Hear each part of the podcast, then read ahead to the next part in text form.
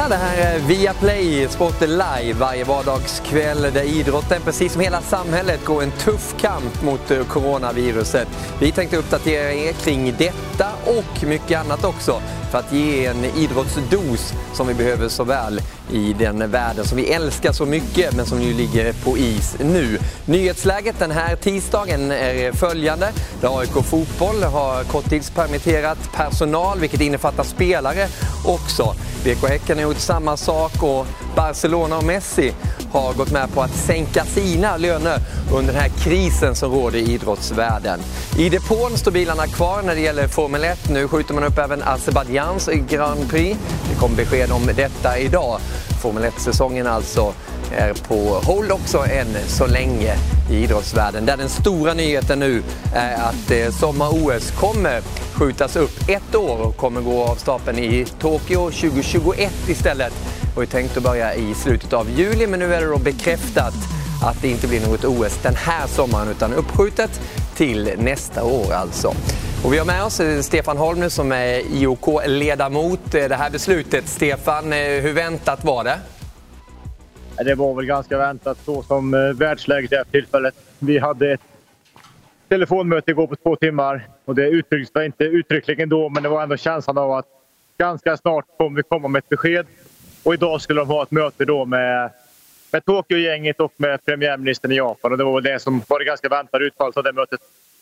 Berätta lite om åsikterna som florerade på det här telefonmötet. Det var inte så mycket åsikter. Det var mer eh, dels en information från president Bach om nuläget, hur det såg, såg ut. Sen ganska mycket frågor från de aktiva vad som egentligen skulle gälla med kvalregler, karantänregler, möjligheter att ens förbereda sig för ett mästerskap och så vidare. Så det låg liksom lite grann i luften att det, det kommer inte gå att genomföra så som det ser ut just nu i världen. Du, eh, Kanada gick ut att eh, de kommer bojkotta om det hade gått av stapeln. Hur mycket eh, spelade det in, tror du, att en sån stor nation tog det beslutet? Jag tror att beslutet i grund och botten redan liksom låg i luften från IOKs sida. Man hade nog förstått att det man gick ut med för en vecka sedan, att man hade som målsättning att köra OS på det, det, skulle inte fungera. Så jag tror inte att det påverkade direkt att Kanada och Australien och några till gick ut och hotade eller lovade bojkott. Men det är klart att det, det är väl en del i den stora, stora helheten ändå. Men du Stefan, hur komplicerat är det här att flytta alltså, fram i tiden ett eh, olympiskt spel? Det har ju aldrig hänt tidigare. Det har skjutits upp på grund av krig och sånt det... tidigare, men det här? Vi, vi ser ju ofta bara till de aktiva egentligen och det är ju komplicerat nog. Men om man också tänker på att det är 6 miljoner biljetter sålda för åskådare som har bokat resor till Tokyo, hotellrum i Tokyo. OS-byn ska bli lägenheter sen där människor ska flytta in till exempel. Många ska ju arbeta som volontärer eller funktionärer under OS som också kanske tagit semester för att åka till Tokyo. Då. Så det är väldigt många människor inblandade i det här. Det är ett väldigt, väldigt stort projekt. Och det är klart att det, det krävs väldigt mycket för att flytta det. Det är väl också därför som IOK har försökt att och verkligen sondera terrängen och se om det är möjligt att ha det på utsatt tid eller om man faktiskt måste flytta på det. Då. Du har ju varit aktiv och vunnit OS-guld själv också. Sätt dig in i de aktivas eh, situation nu när det blir så här. Ett år eh, då skjuts det fram i planering, formtoppning, allting. Det är ju ändå skönt att ha fått ett besked, då, även om man just nu inte vet ett exakt datum. Men man säger, jag lider med de här aktiva som är i en ålder där man kan säga att 2020 är sista året i karriären. Jag pallar nog inte en satsning för 2021. Ska man då verkligen försöka göra den satsningen eller ska man helt enkelt lägga ner och inte få göra ett OS till? Sen har vi de som Armand Duplantis, Daniel Ståhl som är i toppform nu men som kanske kommer vara ännu bättre om ett år. Så det är väldigt olika från person till person såklart. Men de jag verkligen lider med är de som är i slutet av karriären och kanske faktiskt har det som en sista säsong. Mm. Och du skulle ju avsluta din karriär som IOK-pamp också. Du får köra vidare ett år till nu då eller? Ja, jag har inte hört något om det, men jag misstänker att jag blir kvar ett år till. Men det, jag får väl ta den smällen då. Ja, du får göra det. Träna vidare och tack så jättemycket för att vi fick prata med dig om det här, Stefan. Tack så mycket. I eh, det här programmet alltså, där vi har följande rubriker eh, den eh, närmaste timmen då att behandla i Viaplay Sport Live. Där idrottsutövare då i en riskgrupp. Hur är det? Vi pratar med Peter Jihde som ju finns på plats här i studion. Svensk tennis framtid, Miriam Björklund, 21 år ung. Spås en lysande sådan inom tennisen. Vi har träffat henne och hennes tränare Jonas Björkman. Vi ska prata padel tillsammans med Peter och Anders Sjöstrand, vår golfkommentator på Viasat Golf, kom hit för att berätta berätta om golfarnas situation nu. Ska även eh, få tag på två stycken unga spelare då och Robert Karlsson som eh, berättar om eh, sin situation. Ryder Cup ligger det i farozonen. Peter Ide på plats. Kul att se dig brorsan. Kul att vara här Nicke. Ja, du var Nästan ännu roligare att, lyssna till Stefan Holm för ja. att just hans vinst, 2.36 i första hoppet i Aten 2004, är ju på något sätt bilden av ett, hur ett olympiskt guld ska vinna och allt det här som, som du som en, en duktig idrottsman vet om, hur, hur jäkla skönt det är att, att få lyckas med det där som Stefan Holm lyckades med. Så att jag hoppas att de som tänkte sätta punkt i år, fortsätter ett år till. Mm. De som har chansen att stå överst på pallen. Ja, sannerligen. för dig då, vad, tänker du som har jobbat så nära ett olympiskt spel också? Det här med att det skjuts upp som det gör då. Det var ju inte jättelång tid till det skulle avverkas. Ja, men det är ju en sån, sån jätteapparat. Det är ju eh, så mycket människor inblandade och Stefan är klok som säger att man ser på de aktiva men, men allt runt omkring. Det eh, fanns ju ingen möjlighet att göra någonting som vore schysst Nej. under de här förutsättningarna som ju påverkar dig och mig när vi ska åka till paddelhallen. Tänk dig hur det är för dem som mm. ska ska vara med i ett olympiskt spel. Så att, eh, klokt. Mm. Och, eh, frågor till Peter, kloka och galna sådana. Ni får ställa precis vilka ni vill. Eh, och till Anders Sjöstrand, eh, vår golfkommentator, som kommer hit också och gästar oss under den här kvällen. Gå in på våra Instagramkonton där via Play Sport eller via Play Fotboll. Och även Facebook-sidan på via Play Fotboll är öppen för frågor till Peter och Anders Sjöstrand. Så behandlar vi dem under den här kvällen. Och eh, Peter, frågan är ju, du har ju typ 1-diabetes. Jag vet ju hur tufft det där är den här tiden. Du är ändå i en av riskgrupperna.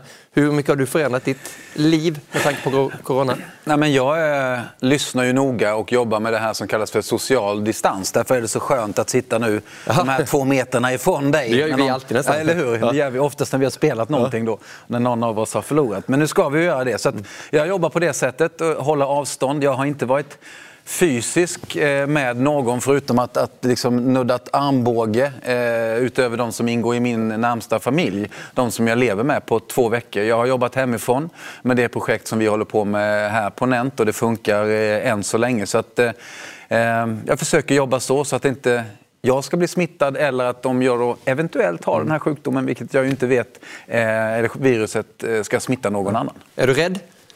Eh, nej, jag är inte rädd. Jag vet att jag ingår i en riskgrupp. Jag har gjort all research jag kan göra, både med de läkare som jag är i kontakt med och det som finns på, på nätet. Och, eh, eh det man har sett ifrån Kina, där, där diabetes som riskgrupp eh, kallas för en riskgrupp, mm. är att det var äldre människor och med en diabetes som kanske var svårhanterad. Jag har bra koll på min eh, sjukdom och jag är eh, fysiskt stark. Så att det gör att jag inte känner mig rädd. Men jag har stor respekt. Mm. Viveka Gyberg är eh, läkare och forskare och berättar här just om det här med riskgrupper. Det man är överens om är att högre ålder ger en ökad risk för allvarlig sjukdom av coronaviruset. Men man har också sett att till exempel diabetes, hjärt och kärlsjukdom och lungsjukdom är vanligt hos de personer som har behövt intensivvård eller har avlidits av coronaviruset. Men man kan också tänka så här att även fast det är vanligt i den här mycket sjuka gruppen så är det här vanliga sjukdomar och de allra flesta som har till exempel diabetes kommer bara få en mild sjukdom ändå. Ja, vi känner igen henne också, Viveka, från Gides Diabetes som vi har följt. Du har ju Diabetesgalan på TV3 och Viaplay. Vad, vad känner du över det hon säger? Hon resonerar ju... Vi, vi hade ett samtal tidigare idag, eh, Viveka och jag, inför det här. Eh, och hon de vet ju så otroligt lite, även läkarna och forskarna och mm. de som jobbar med epidemier. Eh, det har ju gått så kort tid med det här viruset så att det hon säger där det är vad man vet och då vet jag att hon känner att hon egentligen vet för lite. Ja. Men det här är vad hon kan säga. Mm. Om man tittar just bara kopplat till idrotten som vi ska prata om här också, just med diabetes. Hur vanligt är det på elitidrottsnivå? Ja, eh, ovanligt skulle jag vilja säga. Ja. Eh, jag tror att du har skramlat fram, om du gjort eh, ditt jobb rätt, några namn som Men har nått hela vägen upp. På, den Sverige? första som jag träffade i Sverige och eh, känner är ju Per Zetterberg, fotbollsspelaren. Mm. Eh, som, eh, som spelade med diabetes typ 1 under sin aktiva karriär. Och han blev ju bäst i Sverige och en av Europas bästa. Så att, eh, han tog ju sig hela vägen upp. Men jag vet att han vid, vid tillfällen har, har haft sådana bekymmer med sin diabetes så att han har fått, eh, tvingats missa väldigt viktiga matcher för ja. att, att sjukdomen har varit eh, just i det läget lite för, för svår. Och han har fått Vad är det som är svårt? Ja, men det är att, att, du ska hålla ditt blodsocker, om jag gör det enkelt, inom ja. de här nivåerna. Din kropp gör det själv. Oavsett om du dricker 20 öl eller äter 20 godispåsar så stannar ditt blodsocker här, ja. mellan 4 och 6 säger vi. Mitt gör inte det, utan om jag äter 15 godispåsar så åker du upp hit. Och eh, sen efter efter det när jag har tagit insulin så kan du åka ner hit. Och åker det ner hit, då kan det vara kört. Ja. Och åker du upp hit för länge så kan det också vara kört. Så det är de grejerna man spelar med. Man mm. måste hela tiden ha koll. Det var ju färg när Zetterberg gjorde de här fantastiska frisparkarna. Det är en otrolig känsla. Tittar man på hockeyn också och bakåt i tiden, Bobby Clark är ju en spelare. Det var ju färg också, inte lika mycket kanske, men en färgstark profil var han. Hur svårt tror du det var att leva med diabetesen och spela ja, Här backar du ju ytterligare 10-15 år när han mm. var som bäst, mitten av 70-talet i, i Broad Street Bullies i Philadelphia. Eh, och med den fysiska hockey som han spelare, ja. spelade. Eh, otroligt imponerande att han, att han eh, lyckades lyckades nå den nivån och hålla den så länge. Men jag är helt övertygad om att han också råkade ut för sådana dippar som jag gör, som ja. Per Zetterberg har gjort och säkert också då Bobby Clark. Ja, hur mycket beundrar du spelare som, som kommer till den nivån som de här gör som har diabetes nu? Ja, de har, de har ytterligare en uh, utmaning att hantera, att ja. hela tiden ha koll på sig själv. Att aldrig kunna släppa taget. Vilket gör att de blir väldigt, väldigt noggranna. Det vet jag att Per Zetterberg eh, var. Och det gjorde honom till en bättre fotbollsspelare, tycker han själv. Men det är också någonting som hela tiden sitter på ditt huvud. Så att, eh, nej, jag tar fram den stora klappen för dem. Mm. Och just ett eh, efternamn som klingar ishockey, det är Domi. Ty Domi känner de flesta till här i Sverige. Mycket tack vare han till höger där, Mats Sundin. Han var lite av en polis till eh, Mats Sundin. Nu är ju Ty Domis son Max Domi som har diabetes. Först och främst vad kommer du ihåg av Ty Domi. Ja, men liten, såg ut lite som en, en pitbull terrier. Jag har träffat honom i ett omklädningsrum under en All-star-match i NHL. Han var inte uttagen i All-star Game själv. Sundin var det. Men eh, sympatisk. Väldigt stor skillnad mellan Domi på isen och Domi utanför isen. Och nu finns det en Domi till då att hålla koll på i världens bästa hockeyliga, NHL. Max Domi, 25 år, han blir nu rutinerad spelare har han blivit. Har typ 1-diabetes, spelar numera för Montreal, på tal om klassiska klubbar, var tidigare i Arizona där vi eh, träffade honom för att göra ett reportage om hur det är att vara på elitnivå och ha diabetes. Han har diabetes typ 1. I was diagnosed with uh, type 1 diabetes at the age of 12, um, which was a bit of a wrinkle, and I was kind of like, eh, what does this mean? Had no idea. Family had no idea what it meant. Bit of a shock to to our daily lifestyle. So a lot of adjustments had to be made, and uh, you know what, kept in the back of my mind and was like, hey. So basically, how it works for, for me is is on an off day I'll have a routine, on a practice day I'll have a routine, on a game day I'll have a routine, uh, travel days routine, and, and I've, I've come to this routine, so to speak, over lots of experience and lots of different times and a lot of ups, a lot of downs. So I test my blood quite a bit, very frequently, sometimes from 10 to 15 times per day. Um, I used to be on an insulin pump, so I was on an insulin pump for eight years. Um, now I'm back on injections, so I take uh, an injection with every meal, um, every time I wake up, um, and sometimes before bed as well. I'd be lying if I said I didn't make a mistake probably every day, um, but uh, the severity of the mistakes just change and. And um, uh, I'll tell you, not, it's not a funny story at all, but now looking back, I'm like, geez, how the heck did I do that? But uh, I gave myself an injection for uh, a large sum of, of insulin um, for the wrong insulin. So there's two types of insulin that I take. There's one that's long lasting and one that's short acting. So I actually gave myself an injection for the long lasting one and the short acting one. So I gave myself 30 something units of the short acting one, which technically that would put someone in a hospital in, in a hurry. And, that, and that's really, really dangerous. And just in a, a perfect example of my life and every other diabetic's life is, is 24 7 you can't take a day off, you can't take a minute off, you can't let your guard down, and you got to be aware. So it's uh, it's scary sometimes, but you know what? I mean, you you deal with whatever's handed to you, right? So um, found a way to, to get through those adversity times, and, and and and like I said, you make you make yourself a stronger person. Looking for the home run pass, Domi's got it. Domi to the net, he scores. Max Domi. Ja, han gör en resa i dubbel bemärkelse, Max Domi alltså. Numera i Montreal. Det här var ett inslag vi hade gjort för något år sedan till Diabetesgalan på TV3 och via Play. Eh, och som du säger, det är ett heltidsjobb också, bara hålla koll på det där. Han använde ju en hund också, Max Domi, som hade koll på blodsockret. Hur vanligt är det? Ja, men det var vanligare förr, det är många som gör det fortfarande. Men jag har ju en egen hund i min eh, telefon, i en app. Så jag mäter av en mätare som jag har på på armen som talar om för mig hur blodsockret är. För det är vad det handlar om, att man ska ha koll på sitt blodsocker. Ja. Spännande att höra hur en, en, en elitidrottsman, eh, nu verksam, eh, jobbar under matcher ja. med just den här grejen. För det är det som kan bli lite känsligt om blodsockret ligger fel. Ska vi ta reda på ännu mer? Tycker jag. Ja, för Linus Johansson, eh, lagkapten i Färjestad, finns med oss. Eh, fick ju ett abrupt slut på den här säsongen då när SHL bara ställdes in och man fick inte fram någon svensk mästare. Kul att se dig Linus. Hur mår du först och främst som personen Linus? Eh, nej, men jag mår bra. Jag eh, tycker väl som alla andra att det är jobbiga tider nu och eh, lite tråkigt eh, när man måste hålla sig lite mer isolerad. Så här. Men, men jag blir glad när jag får prata med två smålänningar i studion. ja, det är härligt. Du har ju typ 1 diabetes också. Det här beslutet som togs där av eh, svensk ishockey. Vad kände du när man, när man tog det så relativt snabbt som man gjorde och ställde in allting? Det har man ju inte gjort i Max Domis liga NHL till exempel.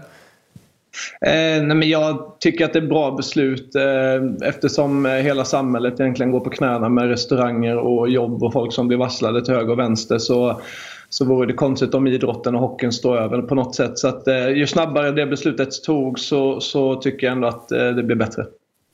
Hur resonerar du Linus vad gäller eh, att, att du och jag är i en riskgrupp?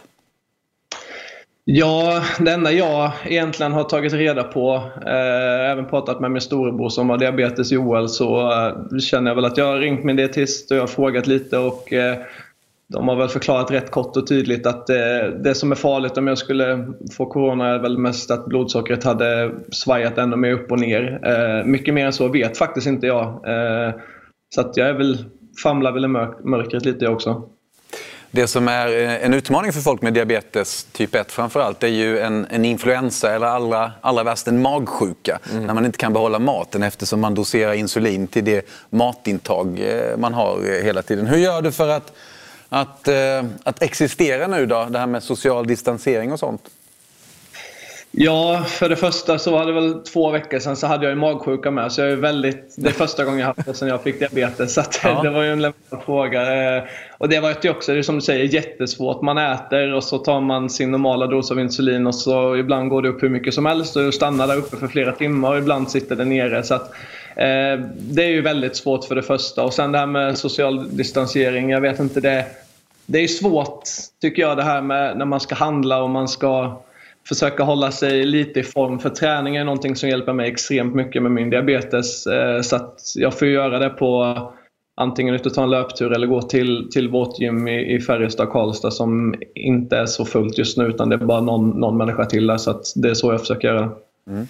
Men du Linus, hur ofta är du rädd när du befinner dig i idrottsmiljö med tanke på infektioner och ni är så nära varandra så ofta som ni är under träning, under matcher, när ni reser? Eh, ja, det är ju inte superkul om man har tänkt efter på det. Men just när man var i hockeyn och vi fortsatte träna och spela, förbereda oss för slutspel, så, så är det som att den tanken nästan sköts bort lite och man, man kände fortfarande sig väldigt skyddad. Eh, och sen samtidigt när väl Corona kom så stort och det blev stort i Europa och Skandinavien och överallt så, så efter, så fort det lades ner säsongen så var man ju väldigt ja, då tänkte man att förmodligen så, så har jag varit väldigt hög risk och, och fått också, liksom många andra. Du, jag är god vän med Peter Jakobsson och han bad mig fråga dig om du har gjort din sista match i Färjestad. Där kom den frågan in. Jag svarar inga kommentarer på det. Vi får se hur det blir. ja, det, ryktas en del om eh, KL. Du har väl relativt nytt kontrakt där med Färjestad också. Vi stannar kvar lite vid, vid Färjestad och just det här att det inte blev något slutspel nu och, och den biten. Hur tänker du kring det att det inte utsågs som svensk mästare till exempel inom hockeyn? Ja, att det inte utses någon svensk mästare tycker jag väl är... Alltså jag vet inte hur man skulle kunna göra på något annat sätt. Faktiskt med uppflyttning, nedflyttning, svensk mästare. Det, det går ju inte att få ett avslut om man inte spelar när matcherna väl gäller som mest. Eh, man kan inte ge ut platser till höger och vänster som från något cornflakespaket utan det måste spelas om det. Eh, nu blir det på detta sättet och det är ett fullt rimligt sätt eftersom alla andra går på knäna som sagt. Så att jag vet inte, jag tycker de har gjort precis rätt. Du, i framtiden då, inte kontraktsmässigt nu då eh, med sportchef Jakobsson här, men, men för egen del, kommer ni hålla igång? Eh, ja, det, det, gör man ju. Nu eh, har vi ju ingenting tillsammans. Eh, så att, så att det är väl på eget ansvar. Man får, man får gå ut och man får jogga och springa och man får ja, först och främst ta lite ledigt för att man har inte varit ledig på ett, ett bra tag nu. Så att eh, ta lite ledigt, försök komma igång med kroppen och ja, försök njuta av livet så mycket det går. Du, hur mycket gitarr spelar du nu Linus? Ja, den sitter där bak nu. Jag blev inte ombedd att ta fram den idag så jag försöker hålla mig undan det men jag tar fram den efter. Så. du får göra det. Tack så jättemycket Linus att vi fick eh, kolla in till dig och eh, lycka till och håll dig frisk eh, så vill vi se dig på isarna snart igen där. Stort tack detsamma. Ja. Dennis Johansson alltså eh, lagkapten i Färjestad. En tuff situation såklart, just att hålla sig undan allting eh, alltså under det vanliga livet, inte bara under corona för en sån spelare. Ja, men spännande för honom att höra just det här med att han åkte på sin första magsjuka. Mm. Jag har ju levt med åtta år med den här sjukdomen och inte haft någon magsjuka sen, sen dess. Ja. Eh, och det är ju sånt som kan bli lurigt för oss. Eh, och sen vet vi ju inte, vi vet ju så lite om vad den här sjukdomen gör med, med oss och med andra som är i riskgrupper. Så att, eh, nej, håll avstånd eh, Linus. Lite som Peter Jakobsson gjorde själv när han var spelare. Höll avstånd till alla andra. det var lite så det. Bara tittade på pucken. Du, vad, vad, tycker du? Du som har jobbat väldigt mycket med ishockey också, just om det här beslutet så som det blev. Inom innebandyn, min sport tidigare, så blev det ju svenska mästare. Falun och Iksu vann på damsidan, Falun på herrsidan. Mm.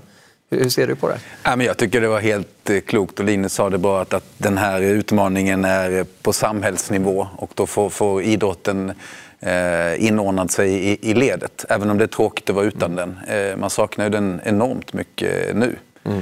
Eh, men det är samma sak med kultur, det är samma sak med allting. Så, mm. att, eh, så är det. Ja. Vi får köra det här tillsammans. Vi får göra det. Mm. Och det blir historia utav detta då. Ingen svensk mästare alltså i ishockeyn. Och sätter man in den här coronakrisen i historien, ja, vad hamnar den då egentligen? Vi tänkte via Play Sports Live eh, försöka få ett besked och ett litet grepp eh, hur stort det här är. Tobias Stark är historik och idrottsvetare på Linnéuniversitetet i Växjö. Hej Tobias!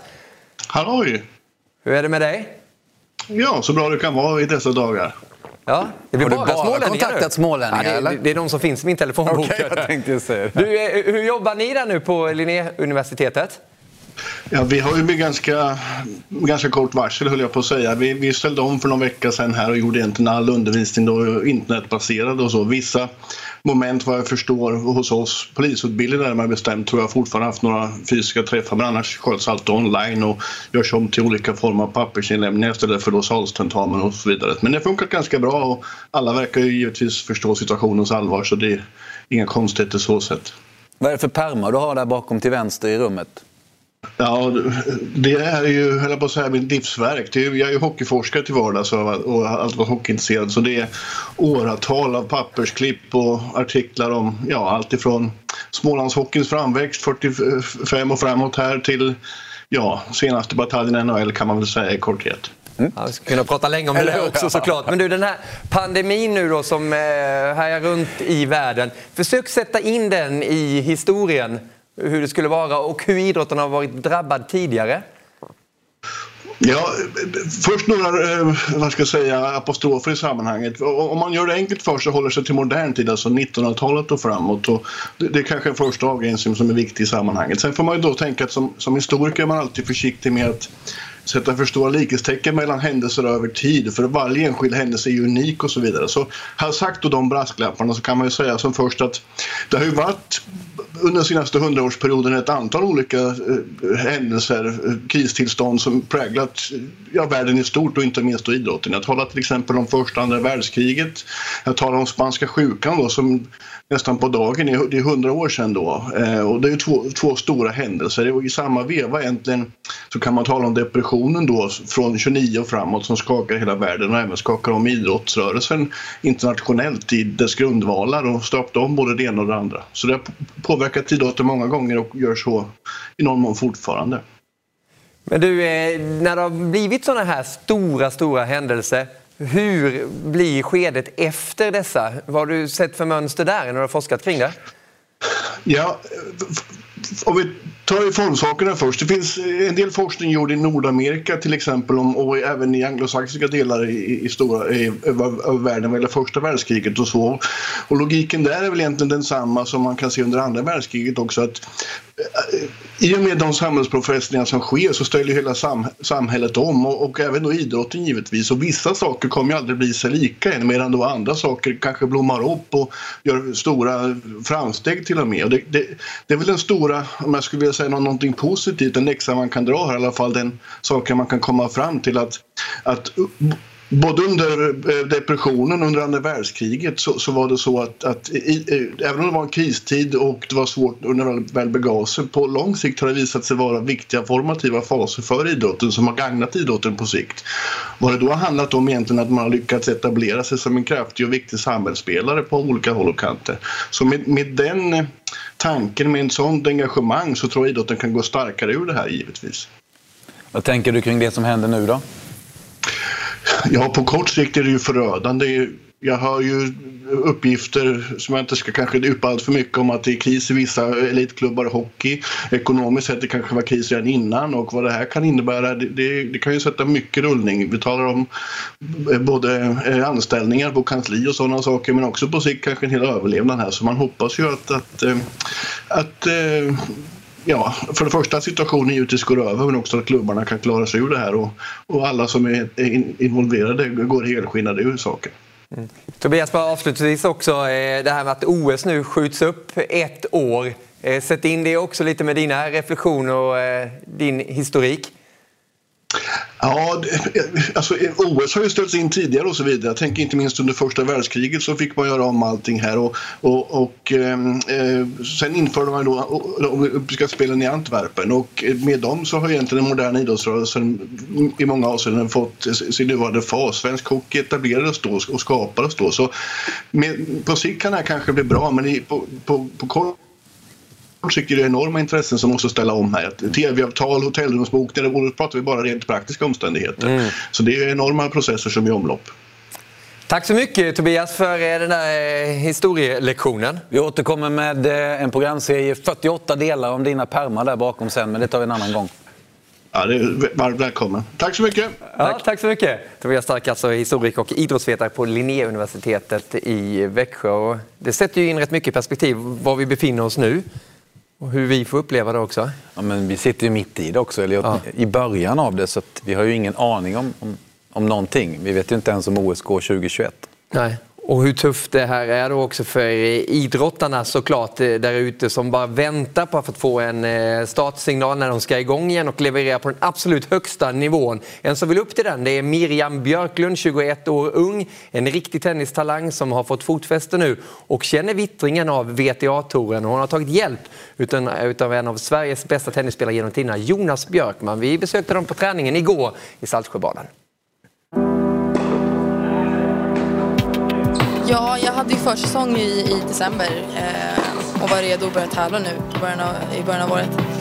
Så att, eh, det är klart att det, det, inte blev exakt så som vi hade planerat. Men det är liksom ingenting vi kan göra åt saken och vi får liksom träna, träna på ännu hårdare och man får ju se det som något positivt. Det är inte så ofta alla tar ett break samtidigt så att man, eh, man förlorar ju egentligen ingenting på det eftersom att alla andra är i samma sits.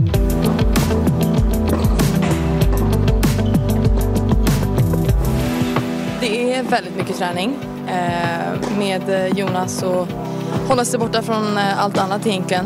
Eh, vi försöker hitta en bra balans mellan att passa på och vila sig eh, och sen också att träna ännu hårdare än vanligt eftersom att man har så långt kvar fram till nästa matchvecka.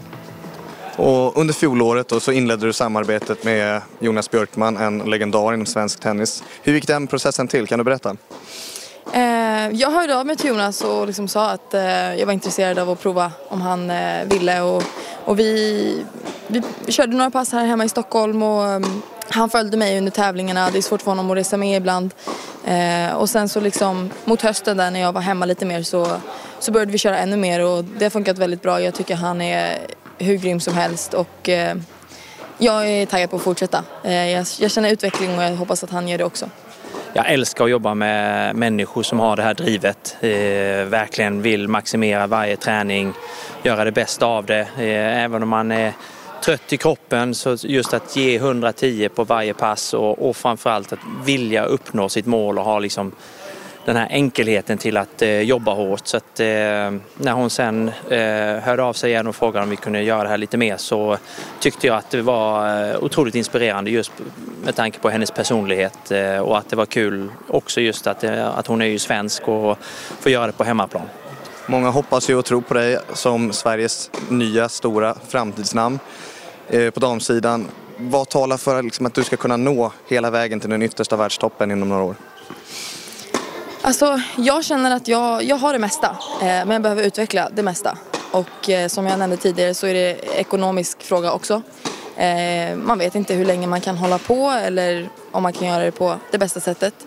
Så att eh, jag försöker liksom kämpa varje dag som man, som man vet att man har eh, på tennisbanan och, och kriga på. Jag, jag känner verkligen att jag har potentialen men att eh, jag behöver lite mer tid jag är fortfarande ung, jag är 21 år gammal och jag känner inte att det är någon stress. Men eh, jag skyndar långsamt och jag, jag hoppas att jag eh, får betalt för det jag har, tror att jag kan och har jobbat för.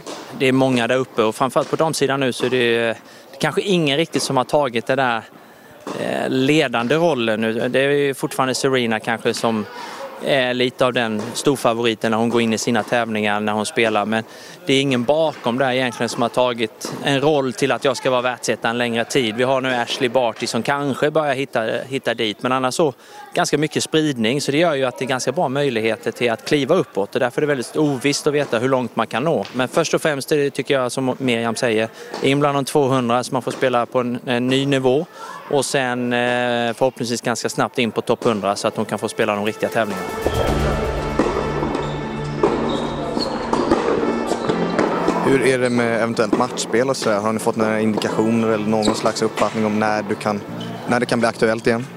De har sagt eh, att inte förrän den 8 juni. Så att vi har ganska långt kvar. Eh, jag hoppas att det startar igång den 8 men eh, det kan också bli ännu längre.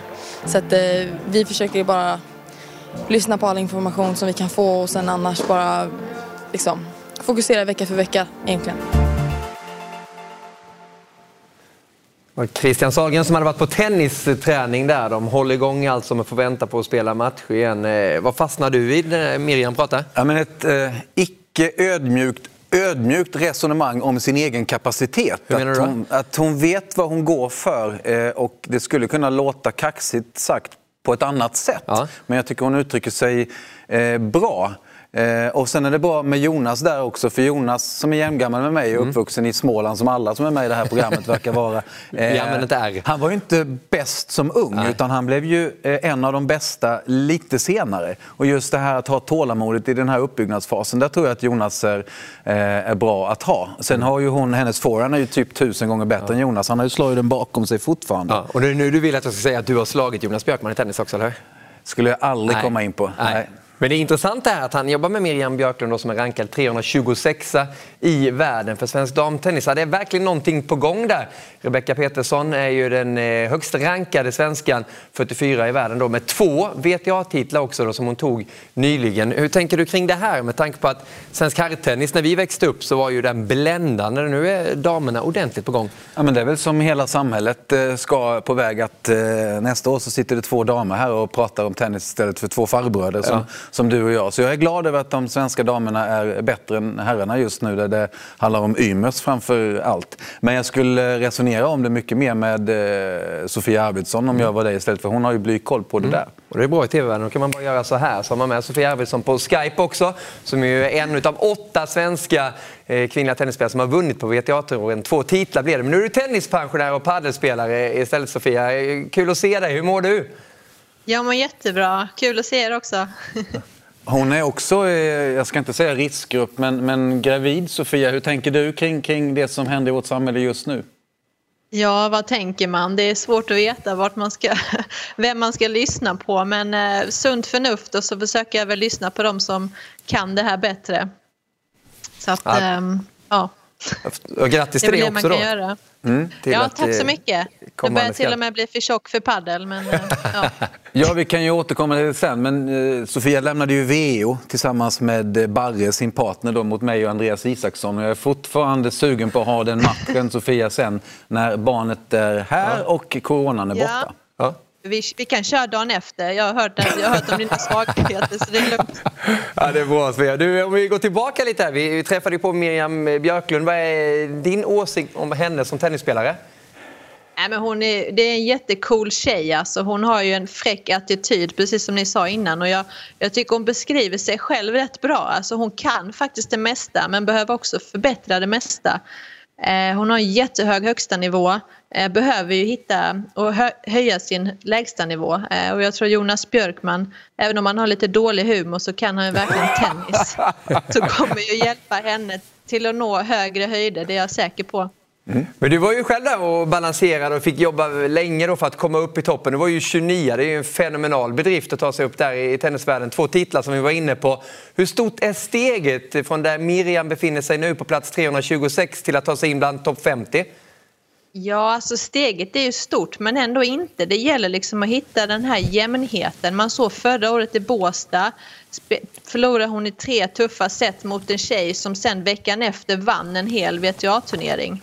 Så att jag tror kan Miriam bara hitta den här jämnheten eh, eh, som krävs för att vara etablerad så tror jag att eh, ja, jag tror hon har goda chanser att göra det. Om vi tittar högre upp på, på, rankingen och, och hittar Rebecka på, vilken plats var det Nicke? 44. Ja, som ju är på väg upp mot de där topp 25 och redan inne på topp 50. Vad har hon för potential, tycker du? Nej, men hon, hon känns också jättespännande. Slog igenom kan man väl säga lite förra året och vann två turneringar och hade ju världens chans här nu i Australien. Tyvärr blev hon väl lite sjuk och kunde inte göra sig själv rättvisa men hon tror jag också kommer klättra jättemycket och kanske kan Miriam ta lite hjälp av henne också. Kanske få träna med henne lite och känna hennes nivå. Eh, och liksom kanske se att jag har kanske inte så långt kvar i mina bästa stunder så att förhoppningsvis kan de hjälpa varandra lite där. Hur mycket betyder det när man äntligen får lyfta den där bucklan och vet att man kan vinna på VTA-touren? Ja, det vet väl du. Du har väl lyft några bucklor? Jag vill vara ödmjuk nej, det finns ju inget bättre. Alltså, det, det man ser av tennisspelare, många tror det är så här glamoröst och flashigt hela tiden men det är ett enormt jobb som ligger bakom. Så att det är blod, svett och tårar. Så när man står där och lyfter bucklan så är det det bästa som finns. Men med tanke på det Sofia och eh, de omständigheterna som råder nu för Miriam då som är på 326 plats och säkerligen måste ut och spela och börja få in lite bitar när det gäller det ekonomiska också. Hur jobbig är situationen för professionella tennisspelare? Nej, men den är ju oerhört jobbig såklart. Jag menar, alla har ju en sak gemensamt. De vet ju inte när de ska spela match nästa gång. Den ovissheten. Eh, vad är det de tränar för just nu? Alltså det är ju det är jättesvårt. Ehm, jag jobbar själv med turnering i Båstad nu och jag försöker vara positiv. Jag hoppas ju att det förbättras under våren så att det kommer igång som Miriam sa den 8 juni. Eh, Men såklart ekonomiskt också svårt. De här tennisspelarna lever på sina prispengar. På den lägre nivån ännu svårare såklart. Eh, Så att eh, ja, det är många som lider. Ja, det är väl det. Man får hitta andra jobb också. Du har ju ett nytt jobb. Du får berätta lite också. Du ska ju kommentera padel för oss eh, på Viaplay. Berätta. Ja, men det ska bli jättespännande. Jag, bara, jag var så laddad här nu i mitten av mars, skulle göra premiär och så blir det inställt. Eh, men jag hoppas att Spanien börjar öppnas upp igen där så att eh, då får ni ge mig lite feedback på hur dålig jag är. Nej. Hur bra är hon på padel, Sofia Peter? Hon är bäst i, i Sverige och eh, hon har inte det bästa fotarbetet men hon läser bollen precis som Thomas Brolin läser bollen när vi möter honom i padel. Eh, så att jag ser väldigt mycket fram emot den där eh, matchen eh, om några månader, eh, Sofia. Den bokar vi in. Ja, det gör vi. Och vi ser fram emot att få höra och eh, följa paddeln också när det kör igång då på Viaplay. Ska du avsluta med någonting? Ja, men jag tänkte bjuda Sofia på, på en lista. Nu blev det en, en herrlista för att jag hittade ett klipp på, på Youtube som jag tyckte att här har vi bra bollar. Men just bra paddelbollar är sånt som man, man kan liksom muntra upp en under den här ganska bistra perioden. Ja. Så eh, stäng av Skype och sätt dig och kolla här nu på Viaplay Sofia ska du få eh, kolla Ja, på eh. Peters lista. Tack för att vi fick eh, störa dig och eh, lycka till med allting nu då. Peters lista kommer här.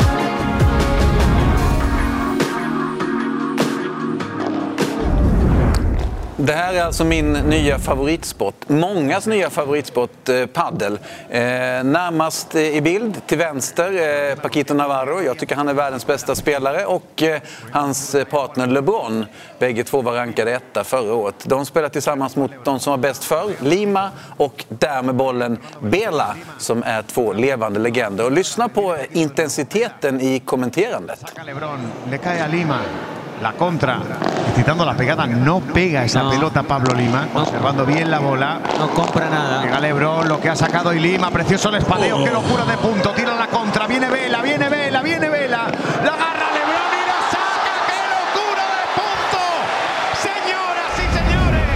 Så där låter det när man kommenterar hem en poäng av Jean eh, LeBron. Det här är de tre bästa poängerna av de tio bästa under fjolåret enligt mig. Närmast kameran till höger, Mieres, en gammal eh, god spelare tillsammans med Ali Galan som är en av världens bästa. Där borta har ni Diaz och Stupacuk och det här är också en, en helt okej boll, Nicke. Sån här har vi inte riktigt varit i närheten, du och jag, av. Man börjar känna att man har en bit kvar upp eh, till den där nivån. Vilken känsla de har. Ja, men de spelar så mjukt, de spelar så kontrollerat och de kan ju läsa av de här väggarna som man själv har så svårt med. Och jag älskar att titta på alla lösningar som de har och hur ofta man tror att bollen är död, men det är den inte. Inte förrän till slut någon får ett superläge och kan eh, dunka in den. Man kan till och med spela liggande. Och man förstår ju varför det börjar bli så stort med det publikmässiga också. Just det, de fyller arenorna eh, i Båstad i somras och eh, man gör det i Spanien hela tiden. Det här är min favoritpoäng av min favoritspelare som heter Augustin Tapia. Han är borta till höger och slår bollen där. Kolla på vad som händer och lyssna på kommentatorn. La envergadura de Lebron está Vela. La bola toca y pasa pidiendo permiso después de tocar la faja. Le va a caer a Lebron, le va a caer a Lebron, le va a caer a Lebron. Llega Tapia, ¿Qué hace ese chaval, por favor? llega Spider Tapia. La pega Navarro. Tapia. Nästan lite målgester på det där också. Ja, men han, han är ju så glad över att han läser den här bollen eh, från Paquito Navarro. Först LeBron som han klättrar lite som Spindelmannen upp och sen så gör Bela då en ganska dålig lobb. Och så tänker Navarro avgöra och så kommer Tapia där. 20 år gammal eh, är han ungefär och framtiden för padel. Ja, det är ju det. Och just framtiden för padel. Vi kommer ju som sagt visa det och har börjat göra det på Viaplay också, World Padel Tour. Vad tror du om det tv-mässiga? Hur stor kan den bli? Ja, men jag går ju omkring och tittar i min mobil. Ja, jag vet. Tidigare på deras hemsida, nu på, på våra kanaler. Jag vet, och jag tittar hela helgerna för att se hur man ska lira. Och, eh, det är en sport som är rolig för eh, både den lite sämre och den lite bättre. För att, att det är ganska så enkelt och sen blir det helt plötsligt väldigt komplicerat som man ser här när man ska ta med alla, alla vinklar och vrår och sånt. Du är ju bättre än mig i tennis eh, men du spelar ju fortfarande mer tennis än paddel när du spelar paddel. Lite svårt för dig att höra nu men, men du får göra det. Medan jag spelar lite mer paddel eh, men är inte riktigt lika fysisk som dig så att det finns ju liksom lite ge och ta där. Och det betyder inte att du är bättre än mig i padel. Ja, men vi kan väl kolla då inför nästa Jag vet en sak, jag har lägre handikapp än dig i golf i alla fall och i golfvärlden. Där är status så här nu när corona härjar runt. Golfen har påverkats stort av coronaviruset. Det briserade mitt under herrarnas Players Championship i Florida där beskedet kom under första speldagen att kommande tre rundor spelas utan publik. Efter att första rundan avslutats kom dock beslutet från PGA-chefen Jay Monahan att ställa in resten av turneringen. Därefter har de inställda tävlingarna avlöst varandra på herr och damtourerna. Årets första Major, damernas ANA Inspiration, var planerad att spelas den 2-5 april, men flyttas nu till september. Herrarnas Masters på mytomspunna Augusta National Golf Club var planerat till påskhelgen 9-12 april, men skjuts nu upp till ett ännu obestämt datum. Flertalet andra majors är i farozonen för att ställas in eller skjutas upp, liksom den svenska Europatourtävlingen Scandinavian Mixed på Brohov, som är schemalagd den 11 till 14 juni. Erik Bäckrud med läget i golfvärlden eh, där det blir stora förändringar. Såklart, precis som i övriga idrottsvärlden så är det ju inget som spelas nu på LPGA-touren eller PGA-touren eller Europatouren för den delen heller. Här är ett par förändringar som har skett. Masters som ni ser till vänster där 9 till 12 april, uppskjuten bland annat och högintressant längst ner till vänster både för herrarna och damerna Scandinavian Mixed som skulle gå 11 till 14 juni på Brohof. Det är Henrik Stensson och Annika Sörenstam där med ett nytt initiativ som eh, pockar på uppmärksamheten. Och Anders Sjöstrand som är golfkommentator på Viaplay och eh, Viasat Golf, välkommen till oss. Tackar. Hur blir det med den tror du? Jag håller tummarna. Det vore riktigt tråkigt om inte den eh, kommer ut till oss. För att eh, ni som inte kanske vet om så är det alltså 78 stycken damer, ja. 78 stycken herrar som eh, ska göra upp dem mm. ihop. Så det är samma leaderboard. Eh, det har varit tävlingar tidigare där man spelar ihop, alltså på samma bana, mm. men man spelar på två olika leaderboards. Men nu kan det vara så att det kan vara en, en dam som kommer etta, tvåa, trea, fyra, femma och herrarna kommer därefter. Eh, som spelar om samma prispengar helt enkelt. Ja. Och det ska vara på Brohof. Då. Och, eh, min indikation och det jag hört det är att de Europatouren ska försöka dra igång touren till den tävlingen. Eh, men ja, det är ingen som vet så att, äh. vi får hålla tummarna bara. Och du kan ju bara spekulera lite också med din personliga åsikt om det. Vad, vad tror du om det? Alltså, jag tror det blir tufft. Alltså det, golfen är ju precis som alla de här sporterna med, som reser runt, runt om i världen. Det är inte som en inhemsk liga där man har liksom alla samlade i samma land. Liksom det är ju ja, säkert, jag vet inte hur många nationaliteter det är, men det blir väldigt svårt för att folk ska ta sig från alla de här stängda länderna och ta sig in och sen, eh, ja, Nej, jag, jag, tror det kan bli tufft. Alltså. Men rent förutsättning, förutsättningsmässigt när man väl är på plats så är det ju en, en distanserad sport. Man spelar en och en och, och man behöver inte liksom, ha någon fysisk kontakt. Det är ju en av de få sporter som funkar bra nu, eh, det här med, med eh, alla driving range-anläggningar. Du står ju på rätt avstånd redan nu så kan du stå där och slå dina bollar om vädret tillåter. Mm. Så att, ja, får se. Och hur tycker du att golfen har hanterat allting mitt i den här coronakrisen? The Players Championship var igång, fick avbrytas mitt under. Ja, det var, tyckte jag, det kändes utifrån sett, eh, det är inte vi som kommenterade den tävlingen, men det kändes som när de drog igång att det här kommer inte gå att genomföra. De stängde ner alla andra mm. idrottsevenemang runt om i världen. Och skulle de spela ändå och sen tog de bort publik och sen drog de ner eh, ridån rejält. Så att, jag tycker Europatouren har gjort det väldigt, väldigt bra för de var lite mer ja, från start att stänga av. PGA-touren ville verkligen köra hela, hela vägen in. Eh, och sen blev det lite kaotiskt slut på det tycker jag. Mm. Just med golfen som är en individuell idrott, men när det blir lagmässigt, Solheim Cup och Ryder Cup, damerna respektive herrarna, så är det ju en jättehändelse. Ryder Cup är ju på ingång igen i september. Hur oroliga tror du de är där att inte det kommer bli av? Det kommer ju spelas i USA den här gången. Ja, jag tror de är ganska oroliga att det inte kommer bli av och sen få ihop allting. Eh, det är väl det som är grejen, helheten med ett schema både borta på USA-touren, PGA-touren och Europatouren och få ihop allting då.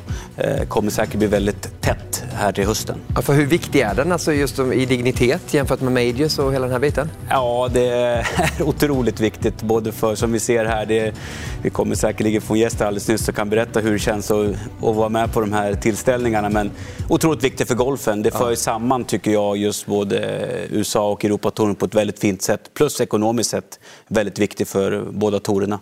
Mm. Det är alltid kul tycker jag att se de här eh, ensamvargarna som tävlar för sig själva och, och står där med bucklan själv. Hur, hur mycket roligare och hur mycket mer de gläds när de står och studsar med den här bucklan. Just det här att göra det tillsammans. Det tycker jag man ser när man, eller det tycker jag att jag ser när jag följer Ryder Cup. En, en sån här riktig känslomässig eh, högtidsstund eh, ja. vartannat år. Ja, det var häftigt där i Paris senast också när Europa vann. Och nu ska de försöka vinna igen då i USA om det blir av i september. En som ska vara med och forma den där gruppen så att den blir så där stark och harmonisk. Det är Robert Karlsson som eh, kommer vara assisterande Ryder Cup-kapten. Finns med oss eh, på Skype här också. Eh, trevligt att se dig Robert. Var befinner du dig?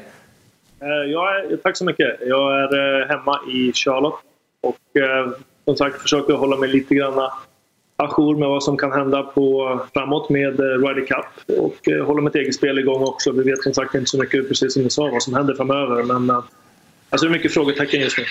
Ge oss en liten bild av eh, coronaläget i USA nu. Ja, jag skulle säga det mest, eh, jag blev mest konfunderad igår kväll. Jag satt på och lyssnade på Trumps presskonferens där han vill dra igång USA så smått eh, redan från nästa vecka. Eh, men det är lite grann som Trump är, lite grann opolitisk skulle jag kunna säga. Så samtidigt som jag satt och lyssnade på presskonferensen där han tydligt säger att eh, vi vill dra igång USA så fort som möjligt. Vi pratar inte månader, vi pratar närmare veckor. Och så får jag ett sms från mina barns skola där de säger att skolan i North Carolina är stängd till eh, 15 maj minst. Oj. Så är lite dubbla budskap kan man gott säga. Så, och jag själv spelar på Champions Tour just nu och, och vi har ju inga tävlingar förrän är den 25 maj, tror jag, veckan som börjar den 25 maj. Så just nu är det väldigt mycket upp i luften. Ja. Vi stannar kvar lite vid din personliga eh, påverkan till golfen där och inverkan. Du, du spelar på den här touren nu. Berätta lite om den då. Och vi säger grattis, du fyller ju 50 för ett tag sedan också. Ja, ja jag var precis bara på, på Champions Tour och eh, det är lite annorlunda. Det är väldigt roligt där. Spela med de killarna och gubbarna får man säga numera som jag eh, spelade med när jag växte upp och, och, många legender som jag spelade med förut. Och det är väldigt, väldigt roligt och, och eh, det är stor skillnad att spela där för det är 78 spelare varje tävling. Vi har ingen katt. Vi har ungefär samma prispengar som det är på Europatouren kan man säga. Någonstans, eh, ja, ungefär som på de mellanstora tävlingarna på Europatouren. Och eh, det är lite blandat kan man säga show och lite blandat spel. Man kan, eh, Miguel Angel Jiménez som jag spelade med i Spanien förra året, han beskrev det som att det är 30 spelare kan spela 20 kan vinna. Ungefär så ser det ut. En del åker dit för att och, eh, mera ha det trevligt. Men det, det, är otroligt trevlig atmosfär. Vi spelar eh, två provar med varje vecka så det är lite annorlunda. Men sen när väl eh, tävlingen drar igång då vill man absolut spela och vinna och göra absolut sitt bästa. Men när man går av 18 hålet så är det inte lika eh, viktigt och inte lika allvarligt som det är på de eh, eh, riktigt stora tourerna. Man säger. Så det är lite annorlunda eh, men väldigt, väldigt trevligt och jag trivs väldigt fint. Och det har varit en bra start också för mig själv så det har varit kul. Anders, om du är intresserad av Ryder Cup, vad skulle du vilja fråga Robert kring det? Ja, jag är nyfiken Robert på hur, hur, hur, hur gör ni då som coacher alltså för att ändå eh, få spelarna att vara positiva och känna det här att det finns chans att det blir spel. Vi som tittar på är oroliga att det kanske inte kommer bli någonting, men hur, hur förbereder ni spelarna på det här? Hur många spelare har ni koll på just nu för att bli uttagna i laget? Just nu så, så fortsätter det som att vi kommer att spela. Jag hade ett, ett, eh, kontakt med Podrick Harrington, kaptenen, så sent som igår och med Toren.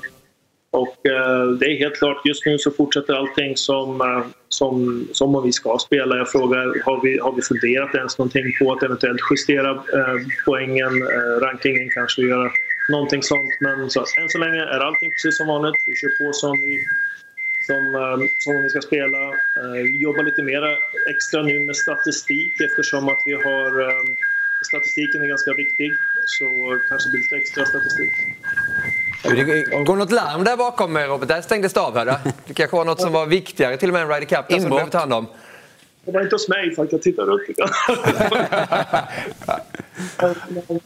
så just nu så kör vi som allting är, är på så att säga. Och, um, vi hoppas ju som absolut som coacher eller som kaptener att vi vill få igång spelet som möjligt. Det är mycket lättare att plocka ett lag där folk spelar. Det är ju bara så det är. Um, um, ja, så vi, just nu, vi, har ju, vi kollar upp ungefär 30 spelare på touren som vi följer med statistik och tittar på hur de spelar. Och, eh, det är mest Podrig som har direkt kontakten med spelarna så det har inte jag haft direkt än.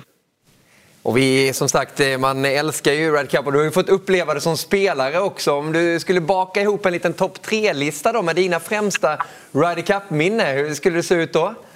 Ja, den, den, den första skulle nog vara en, ehm, en, eh, en chip ifrån, eh, jag tror inte ni har någon bild därifrån, men, men en, en chip ifrån, en, från Kentucky.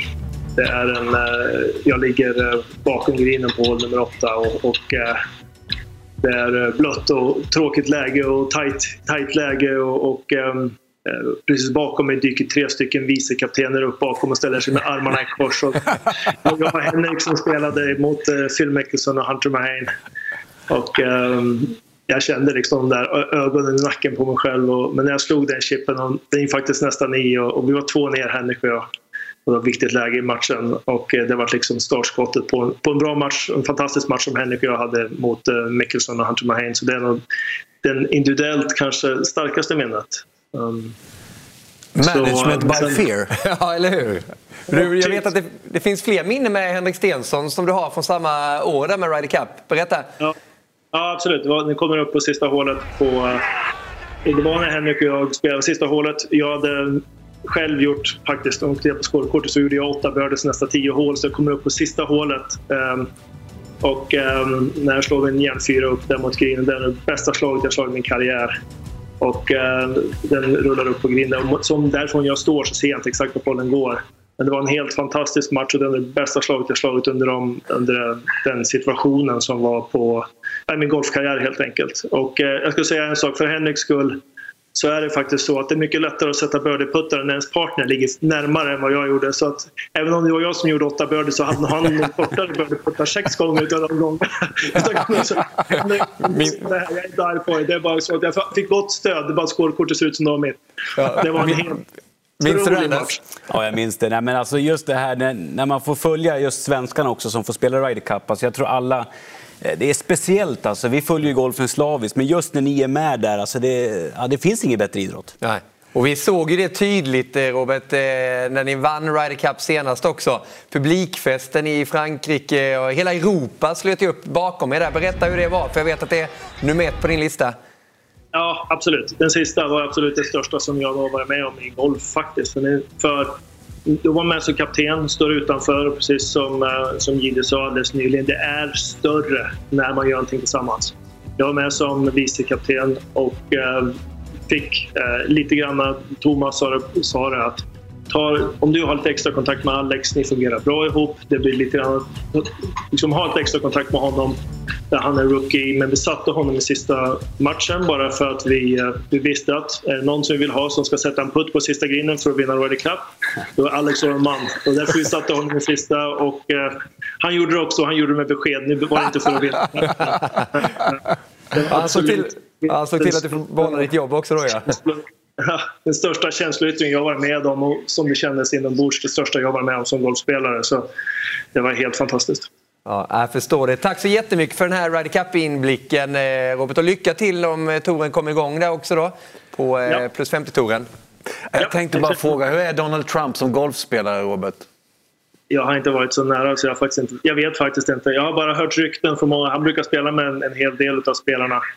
Eh, Men jag vet faktiskt inte. Jag har inte varit nära. Jag, tror, jag har rykten om att han fuskar lite och det stämmer ganska Okej. Tack! Ja, det är bra. Tack så mycket. Vi får fråga Annika Sörenstam. Hon eh, har ju spelat flera gånger med Donald Trump. Och på tal om Sörenstam så är det många som försöker gå i de där stora fotspåren som hon lämnade på LPGA-touren, svenska spelare. Det är ju faktiskt lite golf igång, eh, Anders, och det går bra för de svenska damerna som fortfarande spelar. Berätta. Ja, precis. Nej, men de, det finns en undertour, en lite mindre tour i Arizona som de har spelat i här nu, även fast det har varit lite problem Ja. borta i USA. då. Och, eh, ja, svenska damerna, de levererar. Det är riktigt häftigt. Anna Nordqvist vann för eh, Pettersen, då. eller Pettersson. Ja. ursäkta. Så att, eh, vi har så otroligt många duktiga damer som är på väg framåt. Så att, eh, det kommer bli roligt de här närmaste tio åren. Vad tycker du om det då? Liksom att det är en tour igång, även fast golfen är stängd egentligen nu? Ja, men det, det är samtidigt, jag tror de flesta svenskarna som bor i Sverige nu också, man, man vet om att det är liksom allvarligt det här som vi, Mm. vi har runt om i världen. Men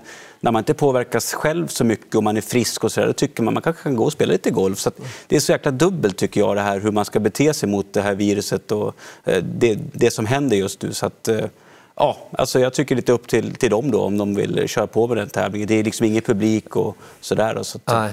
Och Anna Nordqvist, en av de stora svenska stjärnorna, har ju varit med ett bra tag där. Men det finns väldigt många som smyger upp nu och som vi kommer se i framtiden och redan se där ute. Om jag säger Julia Engström, vad svarar du då? Nej, jag säger att hon har möjlighet att bli bäst i världen. Varför? Nej, men hon har, hon har någonting. Alltså det, hon har varit väldigt duktig sedan hon var väldigt ung.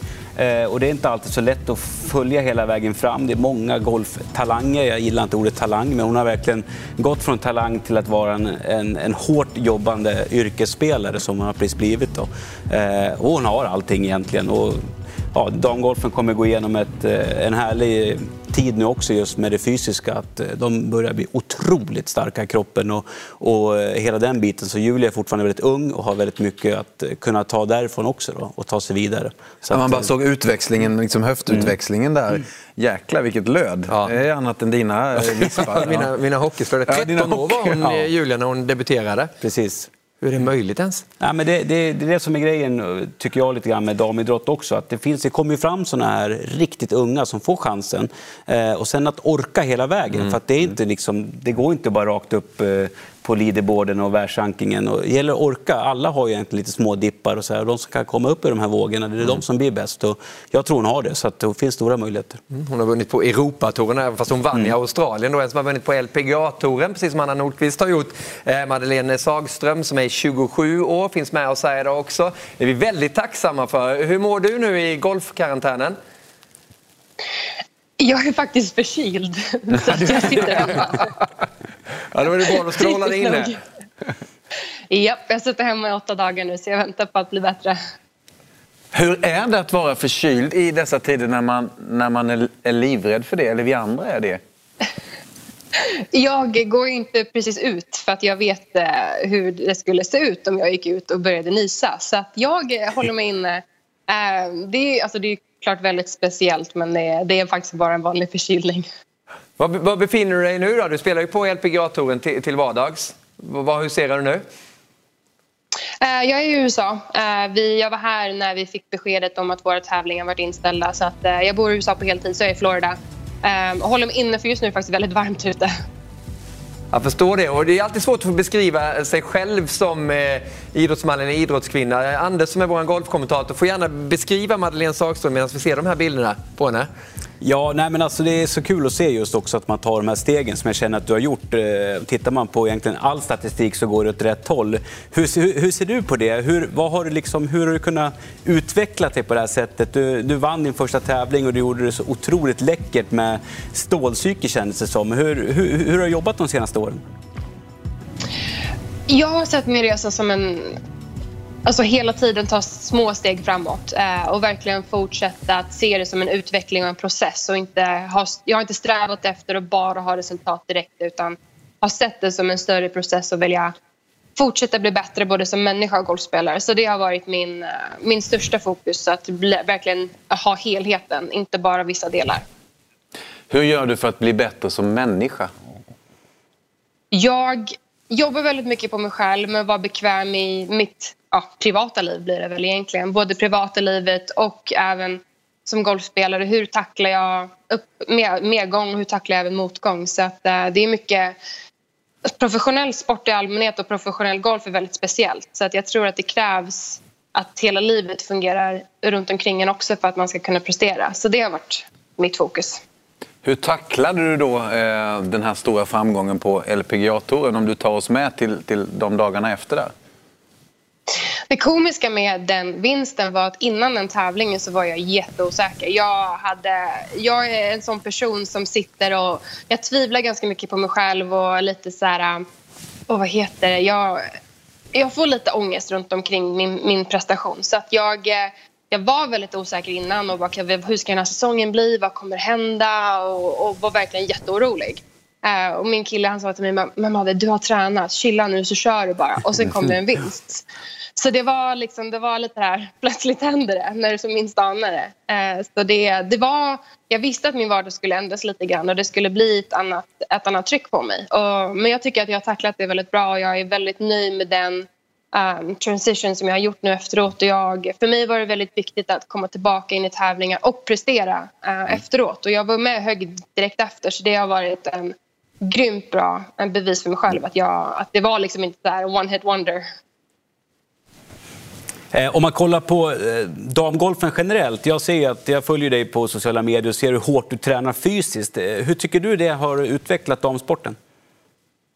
Det har utvecklats jättemycket. Jag tror att Annika var ju en bidragande, bidragande faktor. Eh, alltså hon är, ju, är och var sjukt stark. Så att det blir mer och mer väsentligt för oss också att slå längre. Eh, som du är ute på herrtouren. Och du, du börjar se, ehm, se skillnaden i vilka spelare som kan hålla sig uppe varje vecka. Eh, så jag tycker att det är, har blivit en stor trend och framförallt att hålla och spela så mycket tävlingar. Damer spelar ju generellt ganska mycket tävlingar och är du inte pigg i kroppen och är stark så klarar du inte att resa så mycket och spela så mycket.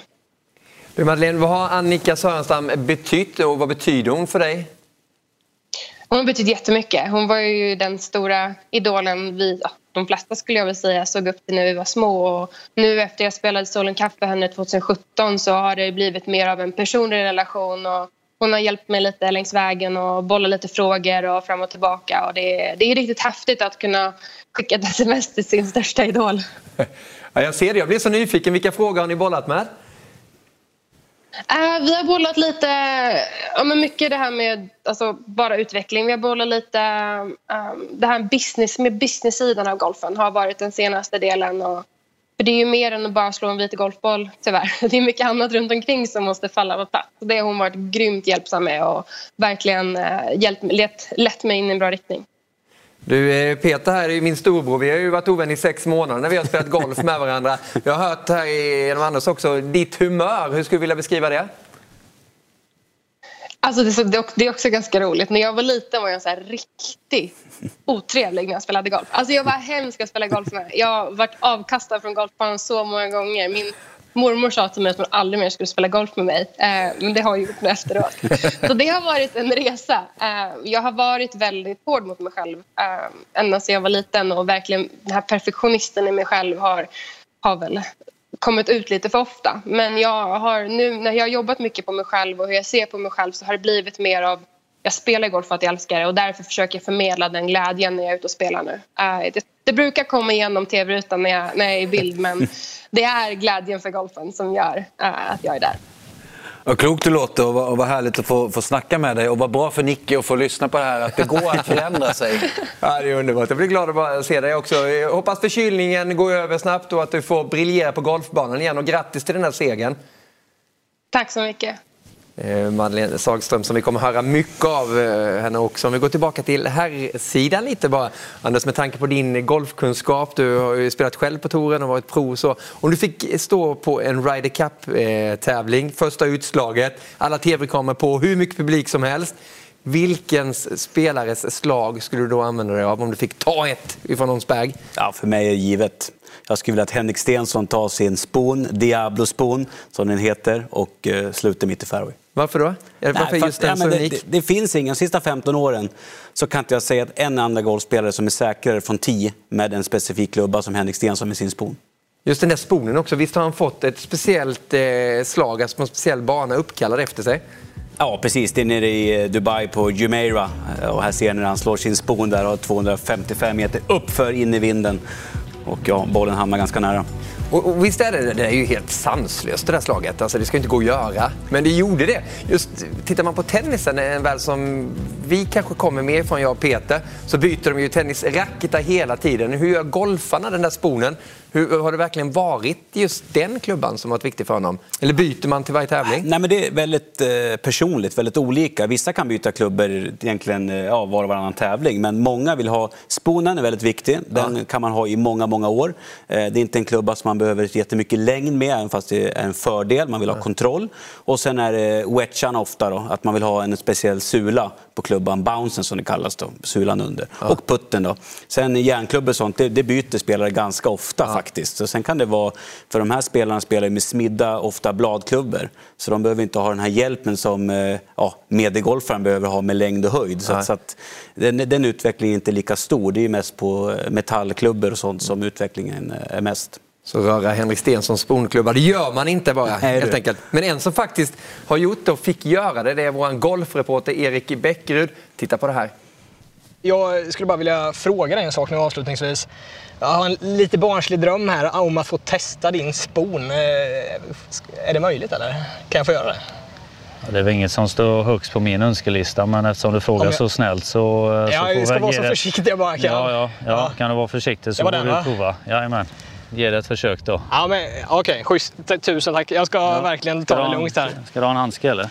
Ja, kanske lika bra så man inte gör bort sig här nu. Ja, ja, precis. Ja, ja. Boll. Boll har jag. Ja, boll har du. Okej. Okay. Ja, får se då om den...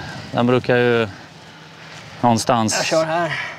Någonstans 240-250 meter får man väl eh, räkna med. Jag får upp lite puls nu alltså. Ja, ja. Ja, ta lugnt bara så är det inga problem. Gummiarm. Ja. Okej. Okay.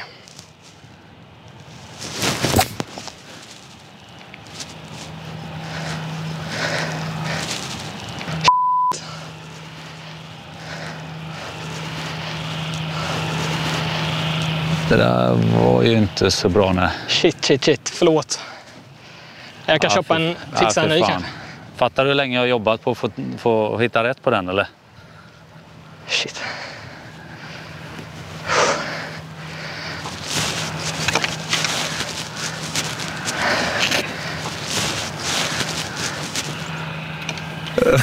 Det var den där sponen nu. Erik Bäckerud, golfreporter.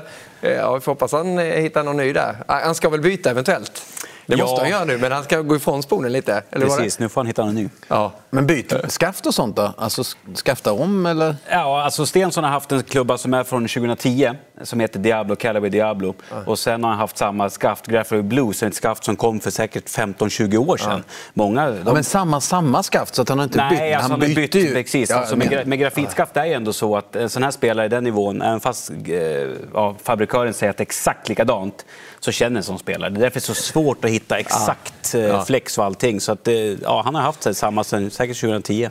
Ja. Men det är samma sak med längd, längdskidåkare som hittar precis perfekt spann. Eh, väljer ju att, att åka på de här VM-guldskidorna för att de, de trivs med dem. Så att, ja. Jag vet inte hur han gjorde det, Erik, men han fick faktiskt med sig någonting. Så det känns som de blev kompisar ändå. Sen efter den där incidenten, där Henrik Stensson signerade eh, golfhandsken. Ni ser Henrik Stensson.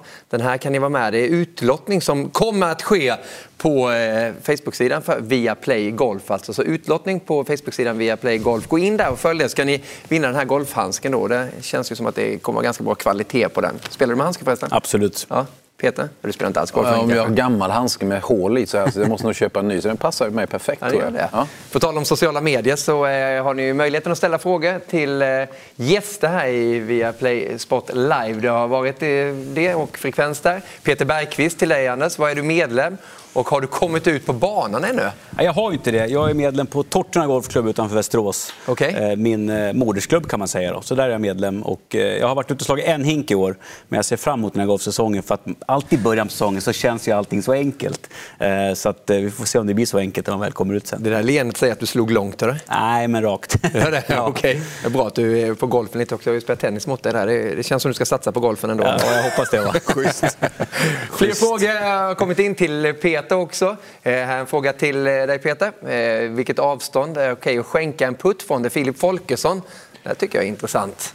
Eh, ja, men det borde jag egentligen fråga Anders eh, som har mer erfarenhet. Men jag tycker att om en, om en boll ligger på det här avståndet 50-60 centimeter för en amatör så hade jag skänkt den. Eh, Det hade jag gjort. Det tycker jag är kutym och eh, go, go, Och jag vet att du gott relaterar. idrottsmannaskap. Jag känner igen Ja. det här för vi möttes ju i en Ryder Cup där. Och Inte ju, du och jag. Nej, men eh, jag mötte din medspelare och blev skitsur på mig i ett halvår för att jag inte skänkte den här putten som han missade sen därefter och jag vann den där matchen. Så vad är rätt och fel att göra? Ska man skänka en sån putt under tävling? Nej, det tycker jag inte. Jag tycker du kan skänka en putt som kanske är en, en decimeter, två decimeter eh, i matchspel. Slagspel tycker jag bollen ska i hål. Så, att för, Så jag hade för, mig rätt. så, för mig så är det alltså, en halvmeters putt. Det missar ju, det har ju Tiger Woods missat. Det är Stensson missat. Men visst, vill man vara... Ja, men så här, här är ju skillnaden då varför Niklas blev världens bästa innebandyspelare. För att han, han verkligen vill vinna allting. Jag tycker det är viktigare att, att vårda relationer där. Och om den här människan då som hade 50 cm till hål är den sämste golfaren i det här sällskapet eh, och tycker att den här putten är väldigt jobbig så kan man ju se lite längre än bara just den här matchen. Det var därför du förstörde banketten sen, att du ville vara viktig med det sociala och Och skickade nu hem menar Niklas så att jag förstörde den här banketten. Vi går Men du kan vidare. fråga honom vem det var som åkte från Kalmar upp till Öland. Vi och som en känd person sa, vi vänder blad och går vidare. På sociala medier behöver man inte vända bladet, men man kan trolla fram frågor. En till till dig här Peter. Vilken är din favoritpaddelspelare? Det är Liam Kapstad som har skickat in den. Ja, men det var den jag såg ti- eh, tidigare, Augustin Tapia. Eh, Den, den yngste bäste. Jag tror han är rankad åtta i världen just nu som har allting eh, i sin eh, verktygslåda. Eh, Och faktum är att han just nu spelar med en för dålig spelare, eh, Bela. Det såg vi i den förra turneringen på Viaplay eh, där de åkte ut i, kvartsfinal. Och Bela är ändå historiens bästa spelare. Så att, det blir spännande att se hur Tapia ska säga till du, Bela, jag måste ha någon som är bättre än dig att spela med. Ja. Jag tar den här frågan också, men förvandla om den till dig Anders. Just med golfspelare. Vem är din favoritgolfspelare? Nej, För mig så eh, Hen- Henrik Stenson har varit Det min svenska herrfavorit tack vare det han har betytt för min egen del. Och Att man sett upp till honom väldigt mycket. Men annars är Tiger Woods är min, min golffavorit. Varför då? Nej, för att eh, det sättet han spelade golf på under så lång tid och de rekorden han har eh, ja, har betytt otroligt mycket för golfen. Eh, så att det har alltid varit eh, min favoritgolfspelare. Men inte längre då som han spelare sa du? Han är ju fortfarande kvar ute på touren. Ja, absolut. Eh, Han är fortfarande en av mina idoler golfmässigt. Men nu finns det andra killar som jag också tycker eh, kommer ut och gör det väldigt bra. Så det börjar ju svänga lite grann. Men det, det är också eh, de som har haft som idoler i alla idrotter, Mm, även mm. tennisen och allting, de börjar ju bli äldre. De börjar lämna sporten och det, då Mm. måste man hitta nya guldkorn. Det, det är inte alltid så lätt. Mm. På tal om eh, lämna sport, man gör ju inte riktigt det ändå för de där historieböckerna finns ju kvar och de blir bara större och större. Varje dag så blickar vi tillbaka. Vad hände just på dagens datum för många år sedan i sportens historia?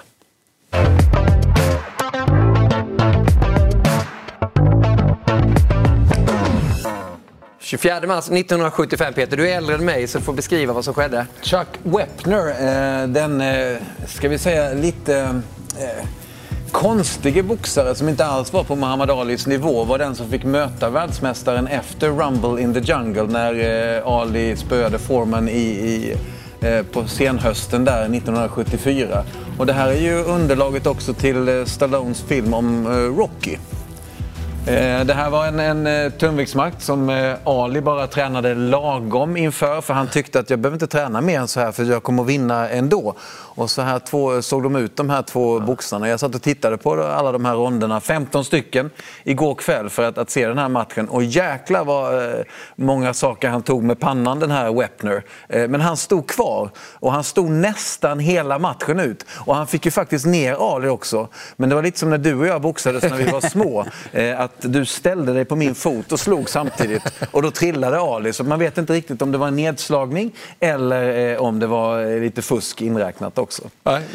Eh, Men Ali eh, vann ju till slut i 15 ronden. Han blev lite pissed av den där nedslagningen och tog fram det tunga artil- artilleriet. Så mycket hade han med sig så han vann igen. Och man brukar beskriva den här matchen också då. Give the white man a break, brukar man kalla det.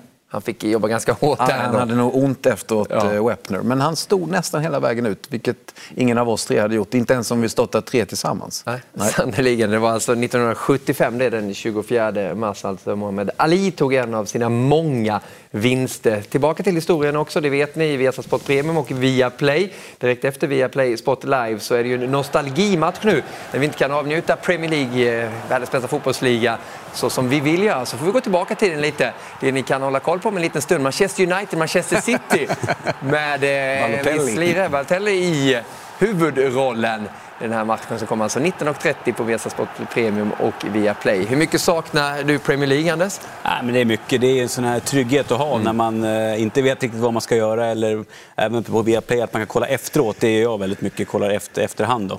Jag sitter på kvällarna och kollar. Så att, eh, ja. Och du njöt till och med av Premier League-matchen i lördags när det var Premier League-studion Retro här inne. Ja, jag tittade då i lördags och, och såg eh, Liverpool. Mitt Liverpool som jag älskat sedan Keegans dagar. Eh, det är Liverpool som måste få titeln på något sätt. Så jag bara väntar ju tills de ska eh, fortsätta så att de har tagit de där poängen som behövs och Ja. att de spelar färdigt Premier League så att vi äntligen får vinna igen. Ja, det är viktigt att ha en vinnare. Jag har ju faktiskt med mig vinnarpriset i JD-mästerskapen. På tal om avslagna klubbor. Eh, det står Niklas här 2015, 2016, 2017, 2018. Eh, Vi får se om du får jobba lite Peter. Det var länge sedan jag hittade ditt namn på den här. 2000 står det någonting där va? 20, det är ju Titta, 20 år sedan. Just. Ja. Ja, men jag vann en gång och sen så tänkte jag då som den sociala och eh, vårdande kille jag är att jag låter de andra vinna resten av tiden. Och eftersom du älskar att vinna så, så har du fått göra. Vi har faktiskt alla andra gått samman och, och sagt att låt Nicke vinna så att han Ja. inte lämnar Ja, festen. och det är ju faktiskt din gamla klubba det här. är Första året, jag kommer inte ihåg när första året var. Nej, det var 95 tror jag. 95? Ja, då vann pappa Leif. Japp, Men den bästa golfaren är mamma Anita. Det är en sån sak som är självklar. Tack så mycket för eh, att du tittade in Peter och till dig också Anders. Hoppas få höra din röst snart i golfkommenteringen igen, att det kommer igång. Och eh, till alla er ute, fortsätt eh, hålla koll på oss vardagskvällar mellan 18 och 19 på Viaplay och det ligger ju där och sjuder sen hela kvällen och morgonen. Ni kan lyssna på den i poddformat också. Vi är tillbaka imorgon och då blir det mycket fotboll i det här programmet. Så kommer det ett nytt program imorgon också på Viasat Hockey 19.00. Viasat Hockeys podcast blir då i tv-format också. Tack för att ni tittade.